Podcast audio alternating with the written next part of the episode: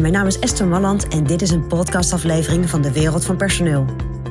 In mijn podcast deel ik graag mijn ideeën met je om op een slimme en simpele manier met je personeel om te gaan.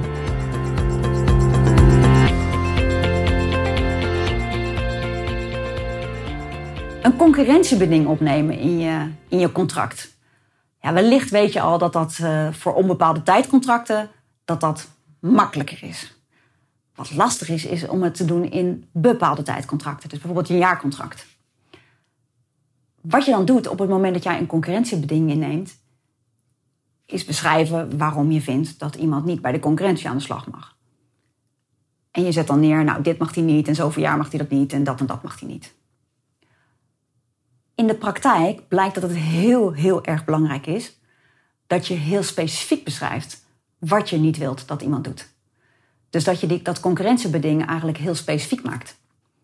Want wat, in welke regio wil je dat iemand niet aan de slag gaat?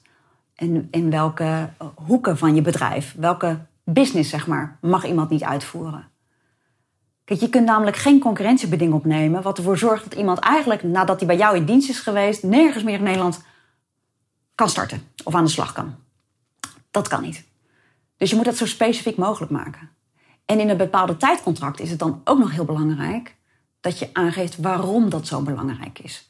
Dat je een concurrentiebeding opneemt. Dus wat jouw motivatie is om dat op te nemen. En ook daar kan je niet zeggen, nou weet je, ik, ik denk gewoon een concurrentiebeding en dat doe ik voor iedereen.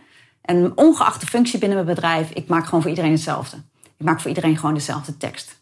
Want op het moment dat het concurrentiebeding dan belangrijk wordt, omdat iemand wel naar een concurrent gaat, of misschien een eigen bedrijf wil starten, en het komt voor de rechter, dan zegt de rechter: ja, weet je, dit is zo'n algemene motivatie die je hebt gebruikt voor het concurrentiebeding. Dat, dan, is die ook gewoon niet rechtgeldig, want hij is te, te algemeen. Dus zorg dat op het moment dat jij het echt belangrijk vindt, dat jij misschien in een branche zit waarin concurrentie nou, gevoelig is, waarbij informatie die jij hebt heel gevoelig is voor een concurrent, dat je heel goed bekijkt wat moet er in mijn concurrentiebeding staan, wat kan ik daarin opnemen horend bij deze functie en wat voor motivatie horend bij deze functie past daar dan ook bij.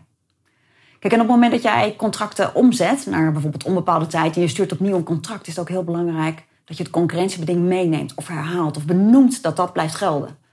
Want op het moment dat je het niet benoemt en je sluit weer een nieuw contract, wat ik ook wel zie bij bedrijven, ja, dan vervalt het daarmee eigenlijk. Dus dat is een hele belangrijke. Dat concurrentiebeding is niet zomaar een dingetje. Dat is echt een lastige, zeker in bepaalde tijdcontracten. En mijn advies zou dan toch ook zijn om op het moment dat je dat echt goed wil laten opstellen, raadpleeg een jurist. Want de, de die ik tegenkom zijn vaak te algemeen gesteld. En dat maakt het gewoon lastig om mensen daaraan te houden op het moment dat ze bij jou verdwijnen. En je neemt het niet voor niks op, neem ik aan. Dus wat ook belangrijk is om te weten, is dat je ook echt altijd, als je een concurrentiebeding opneemt, een boeteclausule moet opnemen.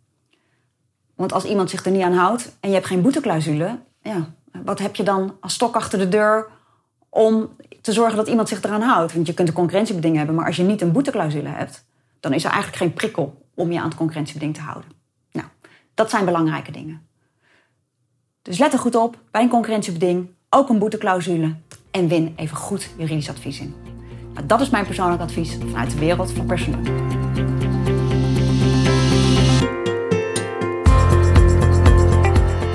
Ontwikkelingen in de wereld van personeel blijven volgen? Abonneer je dan op ons podcastkanaal. ook op onze website vind je allerlei slimme ideeën en adviezen.